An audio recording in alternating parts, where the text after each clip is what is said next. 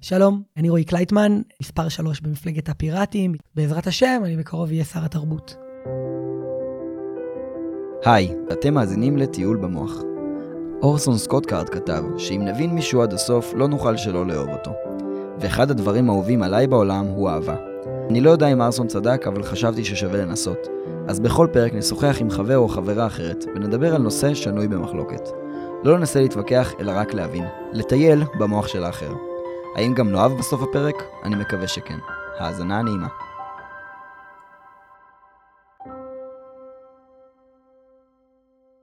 אנחנו בפיראטים הולכים להציג בפניכם את התוכנית הכלכלית שתפתור את כל הבעיות של המדינה. אתם יושבים? שעתיים נוספות ביום. דוד, מה השעה? 25 וחצי. היום יישאר באותו אורך אבסולוטית. במקום 24 שעות ל-26 שעות. מרצ'נדייז! שלום רועי, מה נשמע? מעולה. וואו, אה, מה ששמעתם עכשיו היה קטע קצרצר מתוך תשדיר הבחירות של מפלגת הפיראטים. בהמשך רועי גם הסביר לנו על, על התשדיר הזה, אבל לפני שאנחנו צוללים לנושא למפלגת הפיראטים, בוא, בוא נכיר אותך קצת. באיזה בית גדלת? אה, גדלתי בגבעת שמואל, בבית דתי-לאומי, ליברלי, בורגני. וואי, ההורים שלי לא יאהבו שאני אקרא להם בורגנים, סליחה. אני חושב שבורגני זה מחמאה, אני, אני מכוון להיות בורגני. אני לאחרונה, כן. אני, אני חייב להגיד שאני לאחרונה גם uh, התחלתי לחבב בחזרה את הבורגנות, ולהבין, בטח, תשמע, עדיף להיות בורגן מאידיאליסט. אידיאליסטים רק... אה, יש בעיה, אני... לא, אין לי בעיה עם אנרכיסטים, אבל אה, אידיאליסטים. טוב, כבר, כבר אני רואה, נכנסנו חזק לתוך המפלגה שלכם, אבל עוד רגע נגיע לזה. אז בעצם ההורים שלך לא היו ממש פיראטים. ההורים שלי לא פיראטים, להפך, ההורים שלי אולי מה, מה שהפוך מפיראטים, הם ממלכתיים. ואתה יודע, האויבים של הפיראטים זה הממלכה. האויבים של הפיראטים זה הממלכה. כן, הנמסיס שלנו זה בני גנץ. אנחנו גם מרפררים את זה פעמיים בתשדירים. אה, אני עכשיו, אבל- עכשיו אני מבין ששמתי לב לזה טיפה. אה, יש פעמיים, תראו את התשדירים שלנו. ו- אנחנו נשים קישור בתיאור הפרק, אפשר למצוא שם קישור לתשדירים. אז האויב שלכם זה הממלכתיות. ולמרות שאתה גדלת בבית שבו... שהוא מאוד ממלכתי. מאוד ממלכתי. ובאיזה בית אתה חי כיום? איך, מה... קודם כל, הבית הכי טוב בירושלים. אני מזמין את כולם לבוא לבקר, יש לנו מדיניות דלת פתוחה כל היום. מה הכתובת? התומר 8, כניסה בדירה 17. אה, באיזה בית אני חי? לא יודע איך לענות על זה כל כך, אבל אה, לא ממלכתי. לא ממלכתי. לא ממלכתי. טוב. אתה נשוי? אני לא נשוי, אני גר עם אה, שותף וחבר טוב, קוראים לו דוד. אנשים לפעמים קוראים לבית שלנו קומונה, אנחנו לא אוהבים, אנחנו לא קומונה, אבל כן, רוב הזמן, אה, רוב הזמן יש יותר... בדיוק. לא רק אתה ודוד בבית, כן, רוב כמו הזמן. בסלון הקודם שלי שהיה. לא רק, רוב הזמן ישנים אצלנו אנשים, באים אלינו אנשים, קצת כמו. הוסטל כזה. זה קורה הרבה, יש התרחשות תרבותית וכיום או בעבר הייתה לך מעורבות חברתית או פוליטית אחרת, חוץ ממפלגת ה- מפלגת הפיראטים?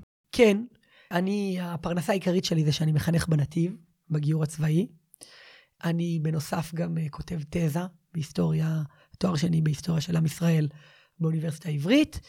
אני בונה קהילות ואני מחנך. אז יש לי כל מיני עמותות וארגונים שאני עסוק בהם, והחיים שלי נעים בציר הזה. שב... הפרנסה המרכזית זה, זה הגיור, אתה אומר. זה מאוד משתנה, אבל uh, כרגע, כן. הייתי אומר שהחיים שלי נעים בציר שבין אקדמיה, המגזר השלישי ונתיב. מהמם. אני לא עובד של הצבא, אני עובד במכון ללימודי יהדות, שהוא זכיין של הצבא. לא הייתי מוכן לעבוד בצבא. זהו, אני רואה שאתה מדגיש את זה שאתה לא כן, עובד של לא הצבא. בצבא. לא היית מוכן עם... לא הייתי מוכן לעבוד בצבא. זה לא הכי מסתדר עם האג'נדה שלי. אני חושב שיש פה משהו קצת מהותי לסיפור הזה של פיראטיות, מה זה אומר.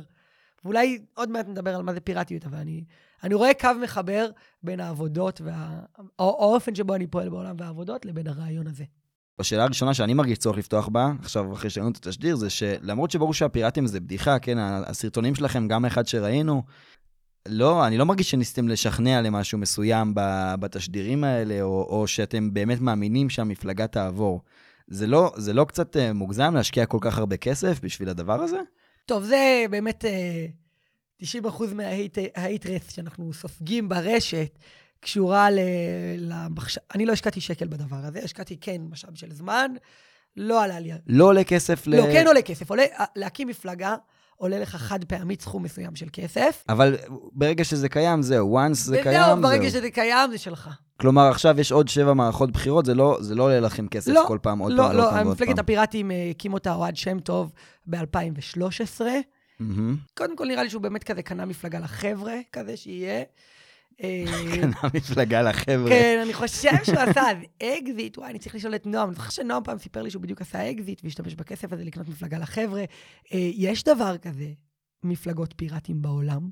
אה, זה, זה, לא, זה לא דבר שקיים רק בארץ, זה עולמי. זה עולמי, יש תנועה כזאת, תנועה חזקה. אה, בצ'כיה, ראש עיריית פראג הוא פיראט, השר ליחסי פורג'ן אפיירס הוא פיראט. רגע, רגע, רגע, עוד פעם. במדינות אחרות גם כן יש את התנועה הזאת פיראטים, שזה כן. תנועה, סוג של תנועה עולמית, ושם גם הם, הם, אה, הם לא... הם, הם לא- חלק מהפוליטיקה. הם חלק מהפוליטיקה ממש, הם נכנסים כן. לכנסת ויש להם כן. תפקידים חשובים. ו... כן, כן, כן. ראש עיר, אתה אומר, שפיראט. ראש עיר, שרים, אה, אז באמת לפרקים הקודמים שעשיתי, גם עם אה, ביביסט וגם כן עם פעיל של נועם, אז הכנתי מראש דף עם שאלות מסודרות, כי בעצם מה אני רוצה לעשות בפודקאסט? אני רוצה להביא את כל השאלות שמביאות את ההתנגדות לבן אדם שנמצא בפרק, וכדי שהבן אדם י- ייתן לנו תשובות, שנשמע אותם וההתנגדות תתרופף קצת ונוכל יותר להתחבר. אבל לקראת הראיון איתך לא הצלחתי להכין דף כזה, כי אני, גם אני וגם אני חושב רוב המאזינים, אין לנו התנגדות לפיראטים, זה יותר ייצר סקרנות כזה, אני לא חושב ש, שאנחנו ממש נלחמים בפיראטים. נלחמים בדעה הנגדית, אבל הפיראטים זה איזשהו... אז אני מגיע בעיקר סקרן, אני אשמח שתנסה לספר לנו בצורה יחסית מסודרת, מה זה בעצם הפיראטים. אז קודם כל, אני חושב שמה שאמרת עכשיו זה חלק מהמטרה.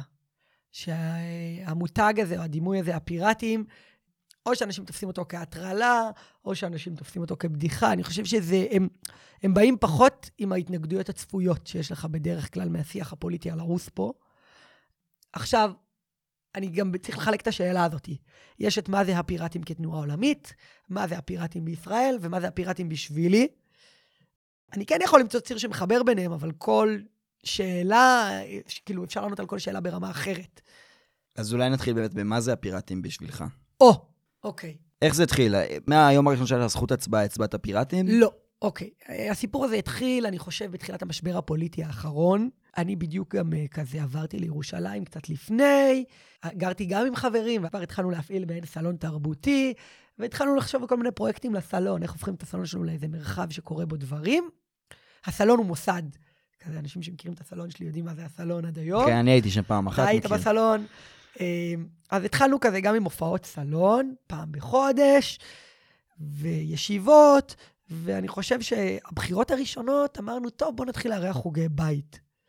אז בבחירות הראשונות היה מאוד פופולרי אז אה, זהות של פייגלין, Mm. והזמנו את אה, גלעד אלפר, שהיום הוא לדעתי בחופש כלכלי. אירחנו אותו לחוג בית, ואז ישר היה עוד בחירות. ואז אמרנו, טוב, צריך למצוא כזה גג חדש, כזה מעכשיו כי עכשיו לארח אה, לארח את גלעד אלפר זה כבר לא מעניין. כן, לא, זהות היה... אה, בעצם זה נגמר, הם לא היו בבחירות שלך. לא זוכר אם היו או לא היו, אבל כל בחירות יש משהו שקאצ'י, כמו שעכשיו זה כזה, הדר מוכתר. בוא נגיד, כנראה שאם הייתי מתחיל את זה עכשיו, אז הייתי מארח את הדר מוכתר בבית. הבנתי. או את אלי אבידר, או. לא יודע, איזה... ואז חיפשתי וראיתי שיש את מפלגת הפיראטים, שהאמת שידעתי עליהם. פעם אחת הייתי בברלין, והיה איזה כנס, היה בחירות לפרלמנט בברלין, ושמעתי על מפלגות הפיראטים, וראיתי שיש מפלגת הפיראטים בארץ, אז שלחתי להם הודעה בפייסבוק, שאני רוצה לארח אותם לחוג בית. הם מאוד הופתעו, ואז אה, כזה שלחו לי מייל, וקיבלתי טלפון של מישהו שקוראים לו נועם כוזר, שהוא יו"ר המפלגה, עוד לא הכרנו. ואני כזה מתקשר אליו, וכזה בוא נעשה חוגי בית, והוא כזה נורא הופתע, ואז הוא כזה פשוט לקח אלינו רכבת. אה, הוא הגיע עם החולצה שאני נמצא איתה עכשיו. לא היה יותר מדי מרצ'נדייז, והוא כזה, וישבנו, וזה הפך להיות סוג של ישיבה. הגיעו כל החבר'ה, ודיברנו, והיה אחלה גבר. למי שמאזין אני אגיד שרועי לובש חולצה של- שהיא מאוד פיראטית. כן, זו חולצה רשמית של מפלגת הפיראטים. אה, כתוב או-אה. פיראטים.org, אני לא זוכר מתי החולצה הזאת יצאה. כן קיבלתי את החולצה הזאת מנועם כוזר בחוג בית שהוא בא להעביר. אה, אוקיי. אוקיי, אז, אז נועם כוזר מגיע להעביר חוג הגיע, בית דרכך. ודיברנו, והוא סיפר קצת על הסיפור שלו בתוך הסיפור הזה, ועל... אה, נורא נורא נהניתי, ואז הוא אמר, כן, ואתה יכול לרוץ. ובבחירות אחרי, אמנם לא הזמנתי את הפיראטים להתארח, הזמנתי כל מיני מפלגות אחרות, כזה את אה, אשתו של יגאל עמיר, ואת מפלגת הגוש התנ"כי, ואת אה, אלי יוסף, מפלגת הלב היהודי. בבחירות אחרי זה, זה היה בחירות שרצתי עם אה, מפלגת הלב היהודי, זה לא פעם ראשונה שאני רץ לכנסת, של אלי יוסף, שהציע לי לרוץ. אחרי שרצתי עם קוראים מפלגה אחת, אמרתי, היה לי קטע כזה שאמרתי, אני רוצה לשבור שיא, ולהיות הבן אדם שרץ בהכי הרבה מפלגות, בכל מערכת בחירות. עכשיו שרקמתי קשרים כזה עם כל מפלגות הליגה ג', אני רוצה ל... לרוץ עם כל אחת. לרוץ עם כל אחת, וכזה הייתי חבר של נועם כוזר, ואז דיברתי איתו, והוא אמר, יאללה, בוא נרוץ, אני אמרתי לו, יאללה, אני רוצה לרוץ בפיראטים, הוא אמר, כן. ואז הוא אמר, טוב, אז יאללה, אז אה, תלך תגיש את המסמכים ותבוא איתי ליום בחירות בכנסת. ואז תכלס הם די רצו כזה, כי אני הייתי כזה, דחפתי אותם מאוד לרוץ, הבנתי. כי הם כבר מיצו את הגג. אז עכשיו יושב איתנו הבן אדם שבזכותו או באשמתו, תלוי איך אה, ממשיכה לרוץ. מציגים, אני חושב בזכותו שכן, אני אה, חושב- הפיראטים רצים אני כיום. חושב שכן. ואז כבר התחלתי לחפש עוד אופציות, וכולם שאלו אותי כזה, מה, עם איזה, עם איזה, עם מי תרוץ הפעם?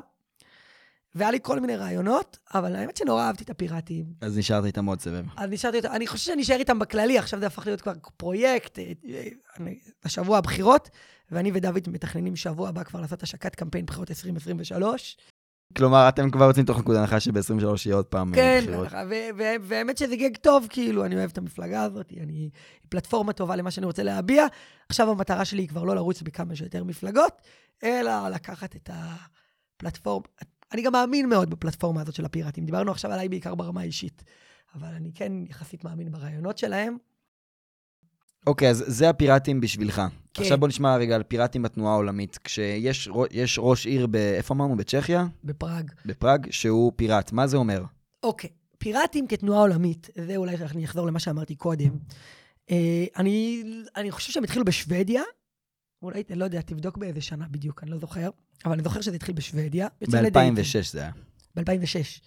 כן, אז בישראל היא קמה ב-2013. 2006 לדעתי הייתה בשוודיה, ואז התחילה לאט לאט לתפוץ תאוצה. בכל מקרה, הרעיון של פיראטים קשור לסיפור הזה של טכנולוגיה ואינטרנט. לכן פעם קראו לנו הפיראטים ברשות האינטרנט, פתק לשלשול.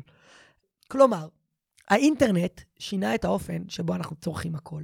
וזה קשור לתפיסה שאומרת, אם, הפ... אם האינטרנט שינה את האופן שבו אנחנו צורכים כל דבר, זה שינה את האופן שבו אנחנו יוצאים לדייטים, זה שינה את האופן שבו אנחנו מזמינים מונית, זה שינה את האופן שבו אנחנו מזמינים אוכל, אה, זה שינה את האופן שבו אנחנו מבינים קהילות. זה שינה גם את האופן שבו אנחנו אה, מנצלים את רוב הזמן הפנוי שלנו. בדיוק. הגיע הזמן שהאינטרנט ישנה גם את התרבות הפוליטית, את המעורבות הפוליטית. המקום שבו האזרח והמדינה צריכים להיפגש, צריך להיות ברשת. ובכללי, אפשר לומר, העובדה שיש אינטרנט, אינטרנט זה עוד סוג של מקום, לא סתם קוראים לזה באתר, נכון, אתר בארמית זה מקום, דומיין, אה, זה עוד מרחב. והמרחב הווירטואלי, כאילו הפוליטיקה לא נכנסה אליו. ואולי הגיע הזמן שהפוליטיקה ת- כן תיכנס וואו. זה מרתק, בחיים לא חשבתי על זה. כלומר, הפעם הראשונה נראה לי שהייתה סוג של דמוקרטיה בערך, אה, כלומר, שלטון שלו של עריץ זה היה רומא, ושם באמת היה את, ה, את הפרלמנט, אולי היה לזה שם אחר קצת, אה, אבל הסיבה, הצורה שבה הפרלמנט עבד זה כאילו יש נציגים, אה, נציגים של העם, והם מחליטים בשביל העם. ואנחנו בעצם ממשיכים עם אותה שיטה עד היום. והיום כשיש לנו את האינטרנט, אנחנו לא צריכים נציגים שלנו שיגידו, בדיוק. אנחנו יכולים, שכל, בעצם זה אומר כל, כל החלטה משמעותית שיש, אפשר להצביע עליה. אפשר להצביע ב-SMS נקרא לזה. בדיוק, בדיוק. אנחנו קוראים לזה דינמיקרטיה, דמוקרטיה דינמית. זה סוג של מודל של דמוקרטיה ישירה. מי שמתעניין בזה, יש מניפסט מאוד שתורגם לעברית באתר שלנו, מאוד רחב, שכתבה מפלגת הפיראטים הגרמנית. יש מודל, איך זה בדיוק עובד. אני חושב שאחד התשדירים שעשינו פעם, לפני שהייתי במפלגה, ממש הוא כזה אנימציה שמתארת איך נראית שיטת משילות פיראטית. וזה אומר שראש העיר של פראג, שהוא פיראט, אז שם באמת כשיש החלטה משמעותית של העיר, לא יודע, רוצים להחליט שמעכשיו חניה זה בחינם תושבי העיר או משהו כזה, אז, בעצם... אז תושבי העיר משתתפים בהחלטה הפקודים, ב-SMS? מי זה תושבי העיר? מי שהצביעו לו, הוא מחויב למצביעים שלו. אה, אתה, כמצביע פיראטים, יכול להתפקד למפלגה ולבחור שתי אפשרויות. או להצביע בעצמך בסוג של אפליקציה, או אה, אם אתה לא מצביע, לבחור מי הנציג שההצבעה שלך הולכת אליו.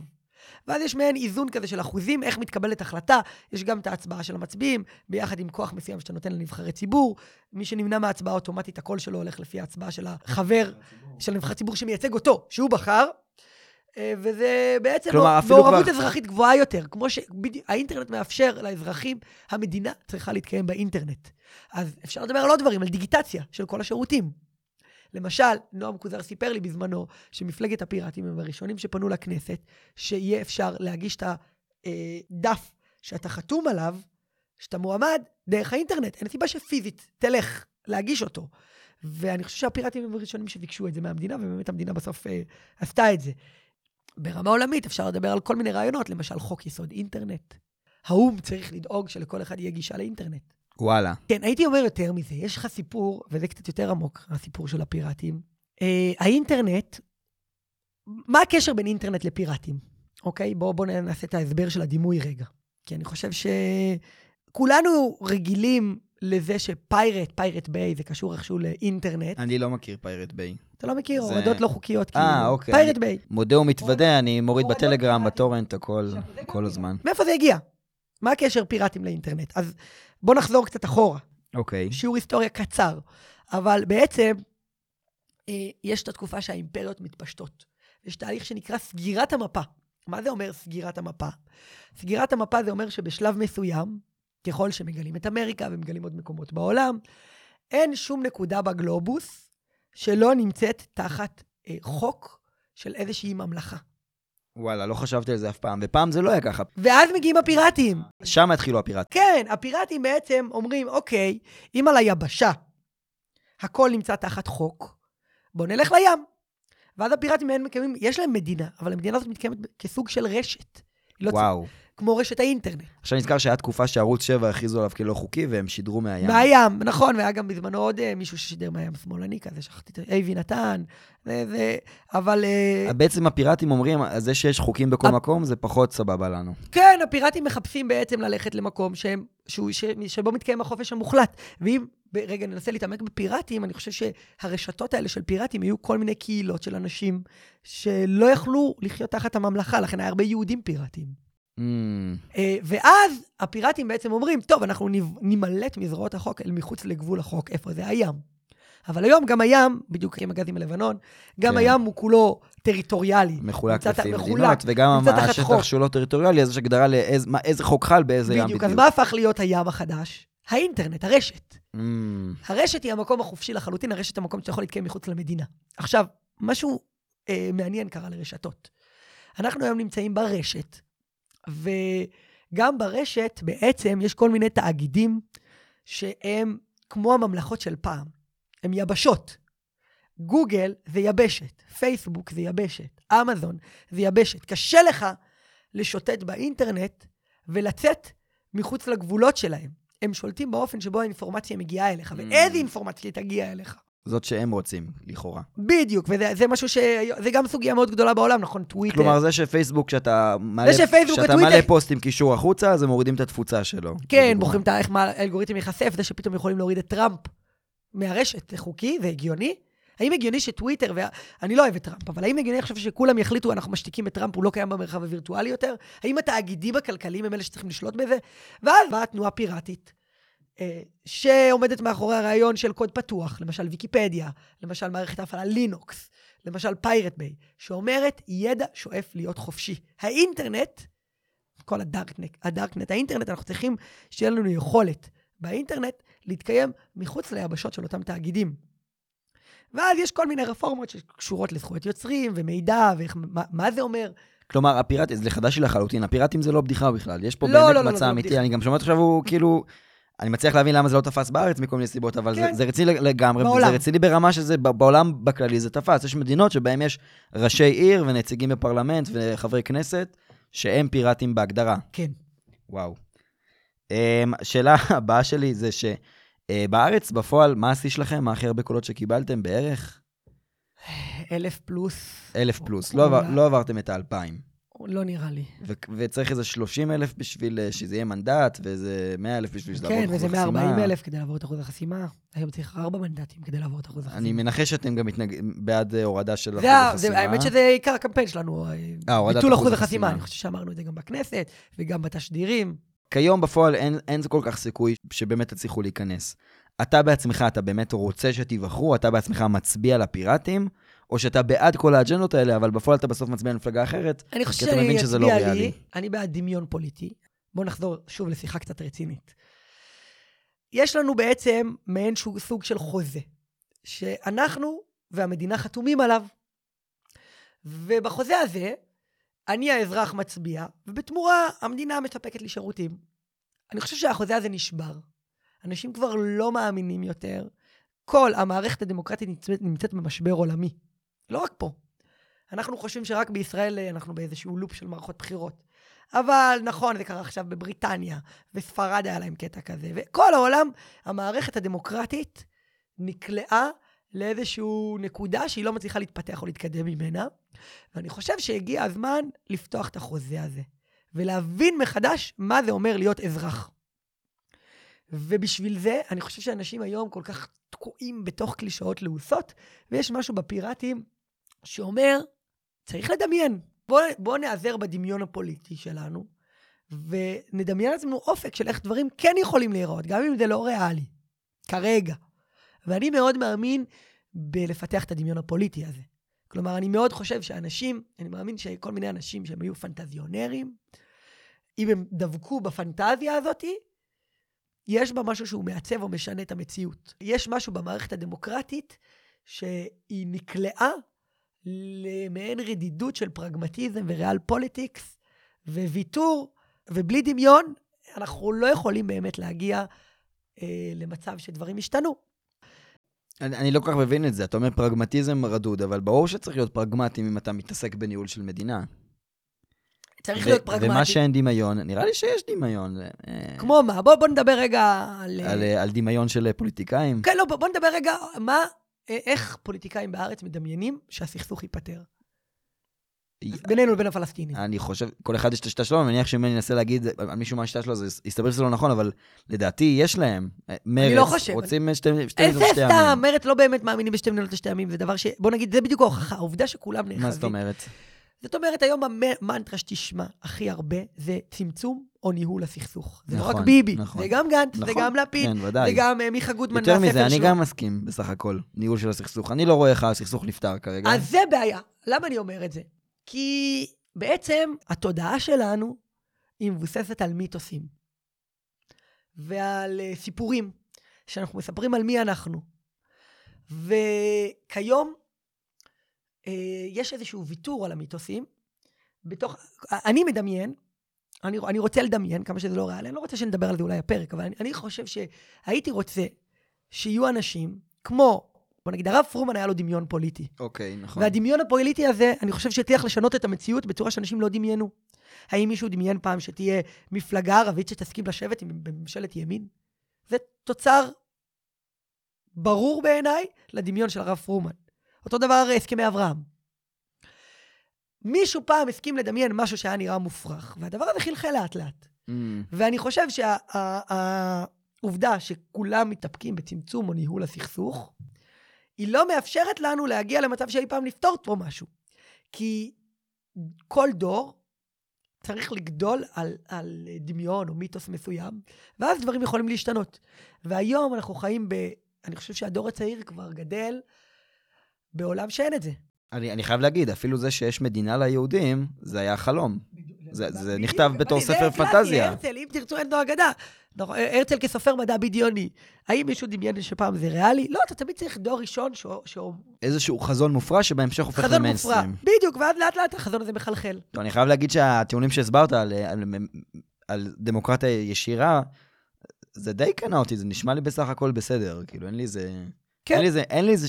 יש לי כל מיני מחשבות ללמה זה לא טוב, אבל אין איזה מחשבה נחרצת ללמה זה יחריב את מדינת ישראל. לא, וואלה, זה נשמע בסדר. אנחנו גם רואים שזה עובד בעולם במקומות אחרים. אז זהו, אז אני חושב שהדבר פה הוא יותר עמוק. הדבר הוא להבין מה זה מדינה. מה המשמעות של מדינה היום? אני לא זוכר איזה מדינה עשתה עכשיו, שאפשר להוציא אזרחות או ויזה אליה, סרביה או סלובניה או... בלי להגיע בכלל. בלי נכון? להגיע בכלל. המשמעות של מדינה היום יש הרבה אנשים שהם אזרחי ארה"ב, ואפילו מקבלים על זה הטבות כן, מסוימות, בלי להגיע לנו, לשם בכלל. בוא נגיד, הקורונה מאוד המחישה לנו את זה, שהסיפור אה, של גבולות היום הוא מאוד אחר. והשאלה היא איפה מדינה מתקיימת, ומה זה בדיוק אומר, החוזה הזה בין אזרחים. יכול להיות שאנחנו צריכים מעין מדינה מעובדת כזאת, שאתה יכול להשתייך למדינה שהיא בינלאומית, יש כמה מדינות, והיא קשורה לתפיסת עולם שלך, וזה קורה דרך האינטרנט. אני לא יודע, אני, יש כאן הרבה דין, אפשר לקחת את זה. כאן כבר נכנס המדע. רגע, זה מה שעכשיו אתה חושב עליו? או שזה, כן, סתם אני חושב עליו עכשיו. או שזה משהו במדיניות של הפיראטים? לא, לא, לא, הרי פיראטים זה תנועה עולמית, אמרנו, כן, נכון? כן. לא, הרעיון הזה שהמדינה מתקיימת באינטרנט זה רעיון פיראטי. אני עכשיו סתם זורק איתך כל מיני דברים. שלא מופרך שתהיה מדינה אחת בעצם. כן, אני, אני יכול לדמיין... אבל לא בקטע של אימפריה שהיא לוקחת... לא, אה... אני חושב שבכלל, איפה היום אזרח נפגש עם המדינה? במשרד. במיסים. בדיוק, זה בירוקרטיה. המילה בירוקרטיה. לא, אבל זה לא נכון, גם בהגנה וגם בשירות צבאי, שזה הגנה שאתה מספק למדינה. פה בישראל, אתה צודק. ובביטוח בריאות. זה גם בירוקרטיה. עזוב את אוקיי. השירות הצבאי. בירוקרטיה בעצם אומרת שאני פוגש את זה המדינה... מעניין, כאילו, זה ביטוח בעצם. יש לי ביטוח בריאות שהוא פרטי, יש ביטוח אבל של הפניקס אומרת, פרטי, שאני ויש ביטוח אחד- נגד, דרך המדינה. זה סוג כן, זה במקום שאני אפגוש. את המדינה דרך חרב או נשק, אני אפגוש את המדינה במשרדים. יותר נעים, נכון? עכשיו, לכן המדינה מתעללת בנו, בבירוקרטיה. כי זה הנשק שלה נגדנו. לא, רגע, אבל גם המדינה לא יודע, גם רומא העתיקה, מה שהם מכרו לאזרחים שלהם זה לא רק מלחמות. כן, היה גם תהילה של מלחמות וכולי, אבל מה שהם מכרו זה לא חרב ונשק, מה שהם מכרו זה הגנה. זה תנאים טובים, זה חיים... אה, אני שואלת את עצמי בטוחים. תמיד איפה אזרח, ויש דבר שקוראים לו היסטוריה חברתית. בואו נספר את ההיסטוריה, לא מנקודת המבט של האליטות, אלא מנקודת האדם של האדם הפשוט. איפה האדם הפשוט בתקופת רומא פגש את המדינה? אז הוא פגש אותם שהגיעו אה, צי, צי של ליגיון שלקח ממנו פתאום מהסם שלו מלא אוכל. הוא לא, לא יודע כמה הוא פגש. לא, מדברים... במקרה אני טיפה, טיפה קצת מכיר על רומא. אז מדברים על זה שלהיות אזרח רומי, זה היה לזכות בלוטו. זה כאילו, אתה יכול להיוולד רומי, לא לצאת למלחמה, סתם להיות בן אדם משעמם, ושיהיה לך עבדים ואחוזה וכולי, בלי שעשית בשביל זה שום דבר יום אחד. בדיוק, אבל, אבל זה, זה לא היסטוריה חברתית. אתה מספר לי שוב את ההיסטוריה של האליטות. אה, הבנתי מה אתה אני, אומר. לא- עזוב עכשיו. אני מבין מה אתה אומר. שוב, אתה אומר כל אימפריה היה סטייל שבאליטות, כמה אנשים אבל... עם אה, אליטות שהיה היה משמעות לאזרחות עבורם, אבל זה לא כמו אזרחות היום. יש איזושהי הבנה. זה הסיפור של זכויות אדם, שכל אדם, באשר הוא אדם, מגיע לו שהמדינה תדאג לו, ומגיע לו להביע את דעתו, נכון? אוקיי, כן. ואז, ברוב המדינות. כן, במדינות דמוקרטיות. ואז, איפה אני פוגש את המדינה? אני פוגשת אותה במשרד. ולכן, לכן המדינות בעצם מתעללות בנו דרך בירוקרטיה, זה הדרך שלהם להראות שהן שולטות, או שיש להן כוח. עכשיו, מה יקרה אם אני אבין שהמקום שאנחנו נפגשים הוא בעצם באינטרנט? הרשת היא המקום שבו המדינה מתקיימת.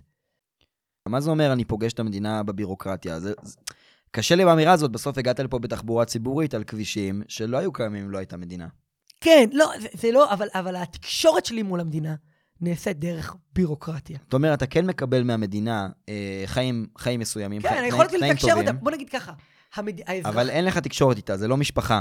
האינטרנט יכול לה- להגביר את המעורבות של כולנו, כמו שיש לך ויקיפדיה, שזה קוד פתוח. זה בעצם, כל אחד יכול לכתוב שם, וזה איכשהו עובד, נכון? כן. ויש אנשים, גם מדינה אולי צריכה להתנהל ככה, במין סוג של קוד פתוח.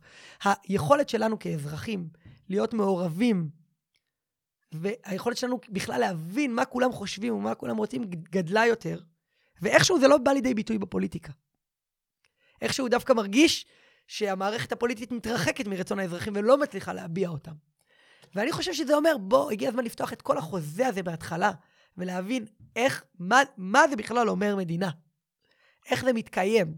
היום אנחנו, נגיד, שבויים בקונספציה של מדינת לאום. אני לא יודע אם זה מה שצריך להיות מדינה. לא שאני מערער על הסיפור הזה של הלאום של העם היהודי, אני מאמין מאוד ב...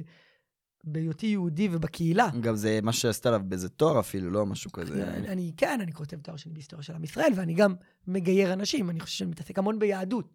השאלה היא, מה הקשר של זה למדינה? כן, דת, דת ומדינה, האם דברים צריכים ללכת בהכרח זה יותר כרוכים עמוק זה מדת בזה? ומדינה, השאלה היא, אני, אני, אני לא יודע אם המדינה שצריכה להתקיים היום, השאלה אם ללאום מגיעה מדינה. ואם מי שצריך לנהל את המדינה זה הלאום, או שאני מבין שמדינה היא איזשהו משהו אזרחי יותר, היא אמורה לספק שירותים, היא לא אמורה להעניק לי תחושת שייכות ומשמעות. הקהילה שלי אמורה להעניק לי תחושת שייכות ומשמעות. רגע, התבלבלתי. אתה אומר שהחזון שלך זה שהמדינה לגמרי לא תפסיק לנסות לייצר לך תחושה של שייכות, או שהמדינה תתחיל לייצר לך תחושה של שייכות? קצת בולבלתי. אני חושב שאני לא, התחושת שייכות שלי לא צריכה להיות קשורה למדינה. לא צריך להגדיר את עצמי ביחס למדינה. אבל אני רוצה להגביר את המעורבות שלי כאזרח, בהחלטות שהמדינה מקבלת בדיוק, בשבילך. בהחלטות של המדינה. ואני מתייחס למדינה בתור מעין משהו מוסכם בין כולנו, שעוזר לנו לנהל, לנהל את החיים ביחד. להחליט, תחשוב כאילו, בוא ניקח תחבורה ציבורית, תחשוב כמה היכולת תקשורת הגבוהה הזאת של להבין איך אנשים נוסעים ממקום למקום, אנחנו נוכל להבין דרך האינטרנט מה הצרכים של כל אחד, הרבה יותר. בלי כרגע להתעסק אם זה מדינה יהודית או לא מדינה יהודית, או מה, כאילו, אני, לא, אני חייב להגיד שאני עד היום לא מבין מה זה אומר מדינה יהודית. מדינה מבחינתי זה בירוקרטיה, אין דבר יהודי בזה, זה איזשהו הסדר. ויהדות זה קהילה, זה שייכות, זה... איך מדינה יכולה להיות יהודית? אה, וואי, זו שאלה, כאילו, יש את התשובות שלי, אבל אני כבר מבין מה אתה חושב עליהם, על זה שיש עיר בירה, והיה פה... לא, אז אין לי בעיה. העם היהודי בעבר היה גר פה והיה לו מדינה. אז שכל היהודים, יהיה להם את התחושה שירושלים זה הבירה שלהם כיהודים, זה לא צריך להיות קשור למדינה. זה לא, ה- ה- בוא ניקח את מוסד הנישואים. למה המדינה צריכה להתערב בסיפור הזה? זה עניינה של המדינה? אין לי בעיה, אתה יהודי דתי, התחתנתם עם יהודייה דתייה, לך תמצא רב שיחתן אתכם, מה זה קשור למדינה?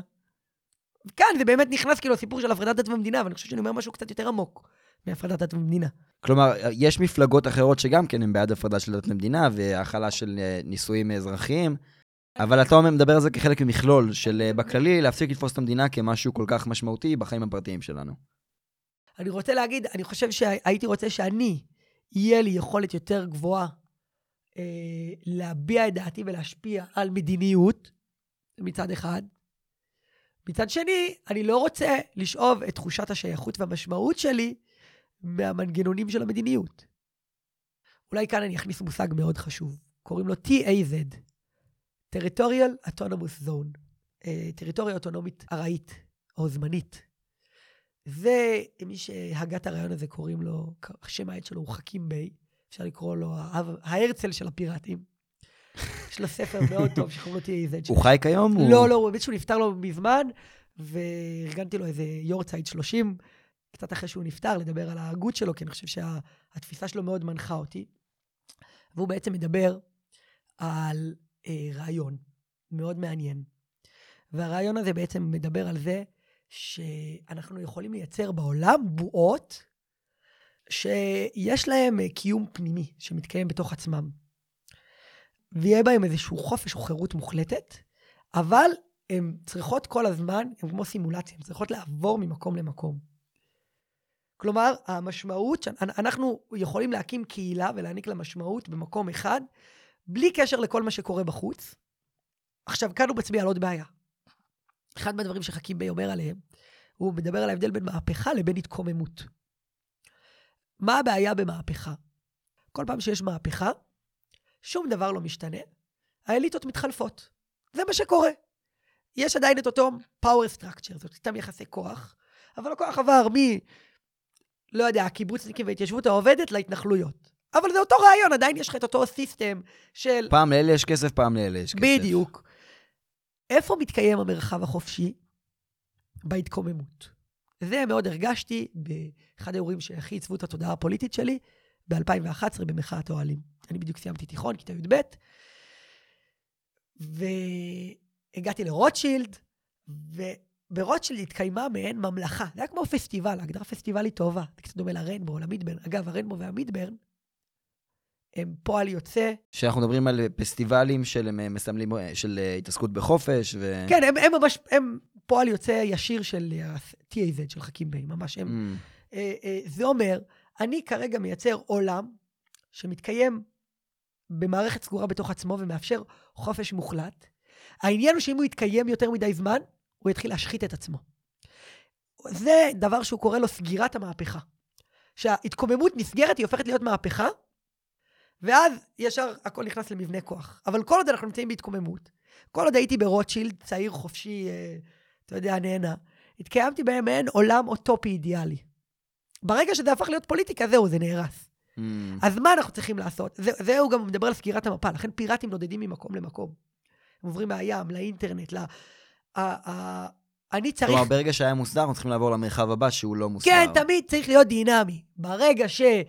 ברגע שהתקוממות מתחילה להיסגר ולהפוך להיות מהפכה, אני צריך לעבור להתקוממות הבאה. ולמצוא מרחב אחר להתקומם בו. ולחיות בו, זה ולהתקיים. רעיון קצת מורכב, כי בעצם זה אומר שאין לך שאיפה ממשית בהתקוממות שלך מעבר ללהתקומם. כלומר, אתה לא ממש רוצה להצליח. כן. אם עכשיו אנחנו מגיעים למצב שבכל המעצמות הגדולות של כדור הארץ השלטון הוא פיראטי, אז נכשלתם.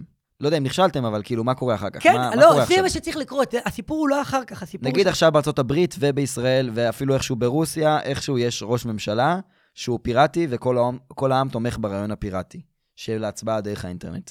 כן. אז, אז עכשיו אתה לא תרצה להיות שם בעצם. נכון, נכון. אני צריך לעבור מהתקוממות להתקוממות כל הזמן, ולייצר את המרחבים של ה... שבהם אני חופשי. באמת. ביום שבו מפלגת הפיראטים היא מפלגת השלטון, אתה עוזב את המפלגה. ביום שבו מפלגת הפיראטים היא מפלגת שלטון, היא כבר לא פיראטית. היא ממלכתית. וואו. אין, זה לא יכול... זה משהו שמאוד קשה להתחבר ולתפוס. אתה אה, מבין? זה כאילו... כאילו, אמרת קודם, קודם דיברנו על זה שאתם רק הטרלה, והסברת לי למה לא, ובאמת הצגת פה רעיון מאוד יפה, על זה שהממשל צריך להיות יותר ישיר, העולם מתקדם, ואנחנו עדיין משתמשים בשיטת ממשל ישנה. עכשיו אתה אומר משהו אחר. אתה אומר, אנחנו בסך הכל רוצים להתקומם. כרגע אני אנחנו מייצר מתקוממים תנועה, על זה, זה תנועה. אתה חושב...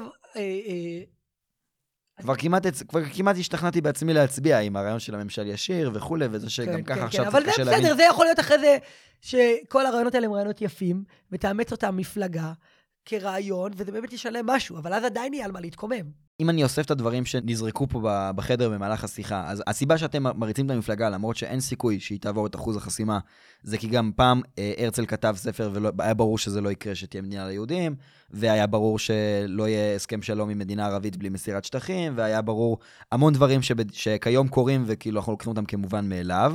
מצד אחד, זה הסיבה שאתם מרצים את המפלגה למרות שהיא לא עוברת אחוז החסימה, כי אתם רוצים להיות החלום, נקרא לזה. קודם כל, אל תגיד אתם, תגיד ברגע- אתה. סליחה. אני חושב שאם כל אחד בן אדם שתדבר, יגיד לך משהו אחר, זה אנחנו פיראטים. אוקיי, לא יודע אם נסכים כולנו. אני, אוקיי, אז מבחינת רועי, כן, שאתה מספר 3 ברשימה כן, כיום, כן. מספר 3 ברשימת הפיראטים, ביום שבו אה, החלום מתממש, אז אתה תעבור לחלום הבא. כן, אני אנסח את זה בעוד צורה.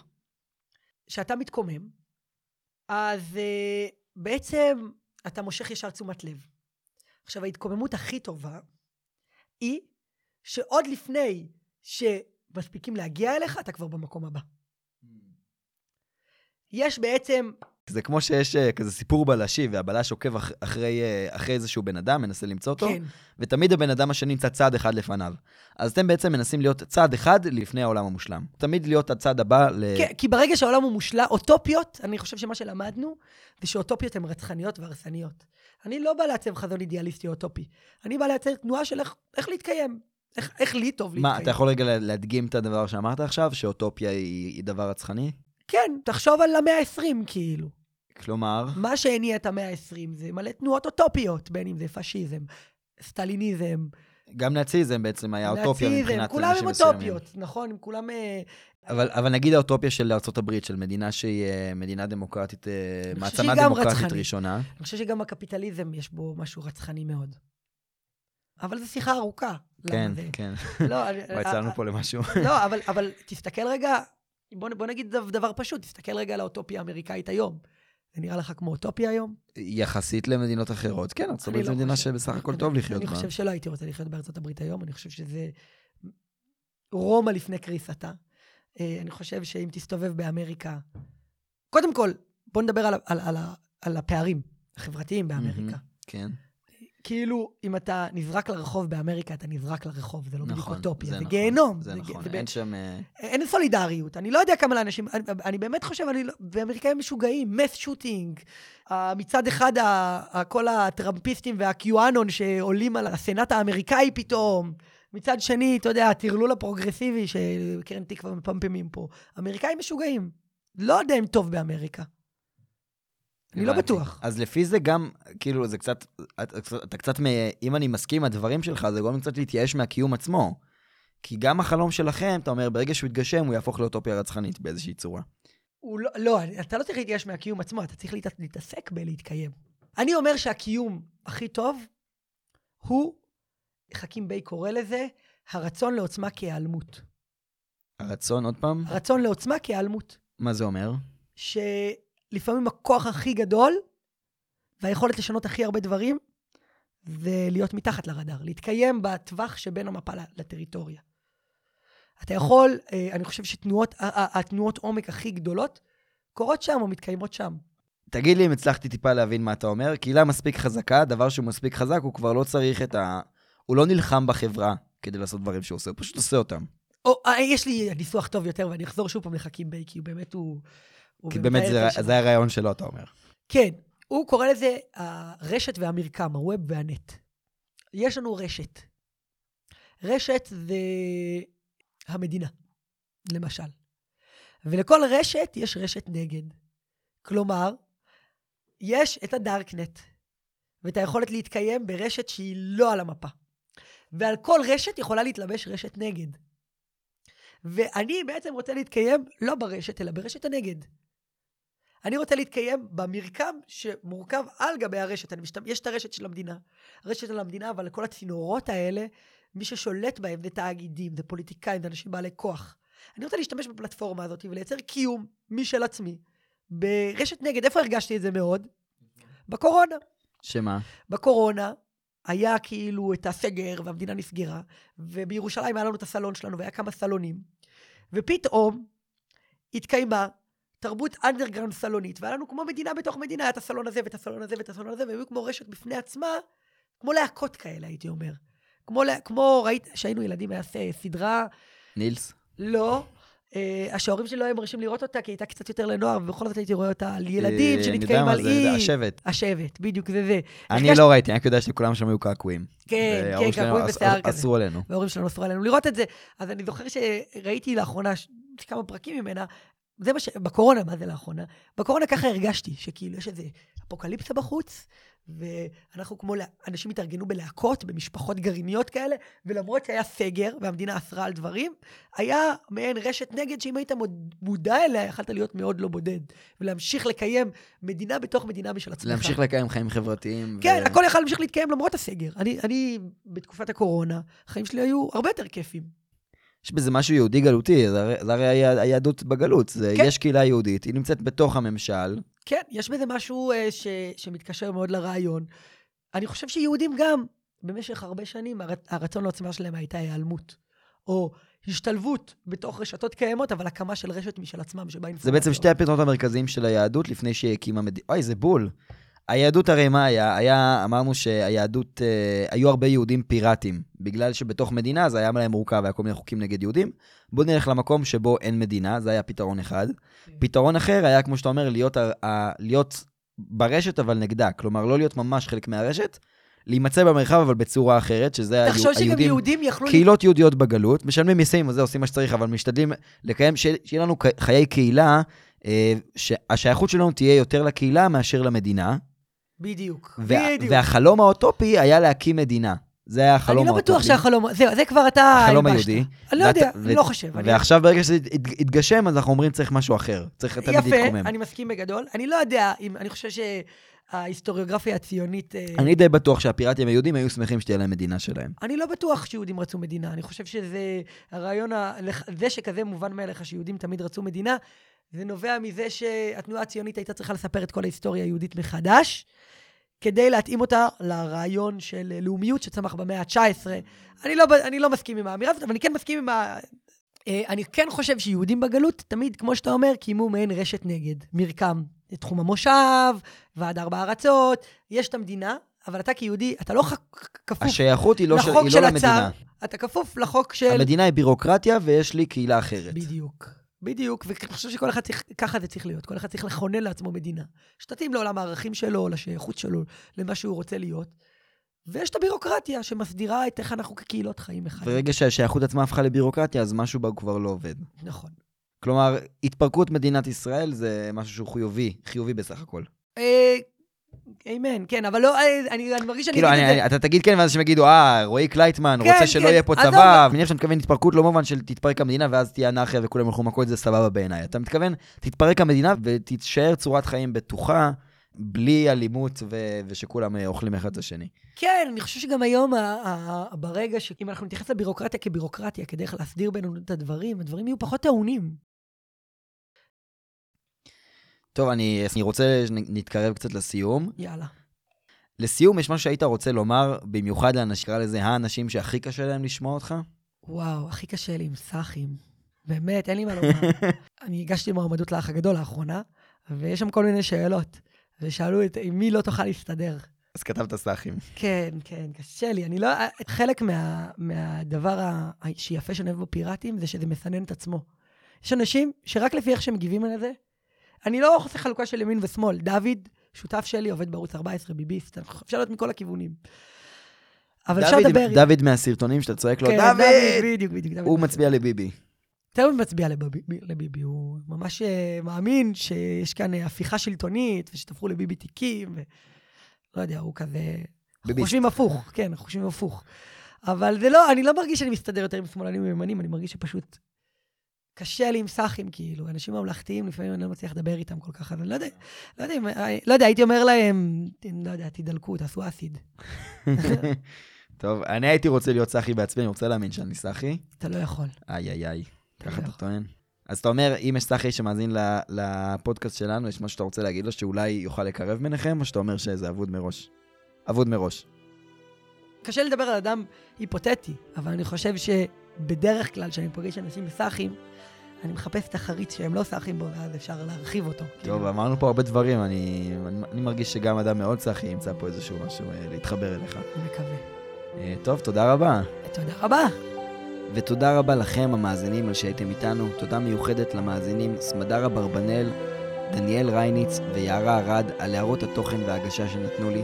תודה גם לאהרון גובר על שתיקן אותי שאומרים אורסון ולא ארסון, ותודה לאביחי גולן על השידוך לפרק הזה. אם גם לכם יש הערות או תובנות, אתם יותר מוזמנים לפנות אלינו. פרטים ליצירת קשר ממש כאן בתיאור הפרק. אם יש לכם רעיון לפרק שבו אתם בעצמכם באים לפה להתראיין, אם אתם למשל תומכים בפוטין במלחמה שלו באוקראינה, מתנגדים למחזור או בעד חוק ההפלות, אתם מוזמנים לפה. אנחנו נשמח לשמוע, להבין ולטייל לכם במוח. זהו בינתיים, נתראה בפרק הבא.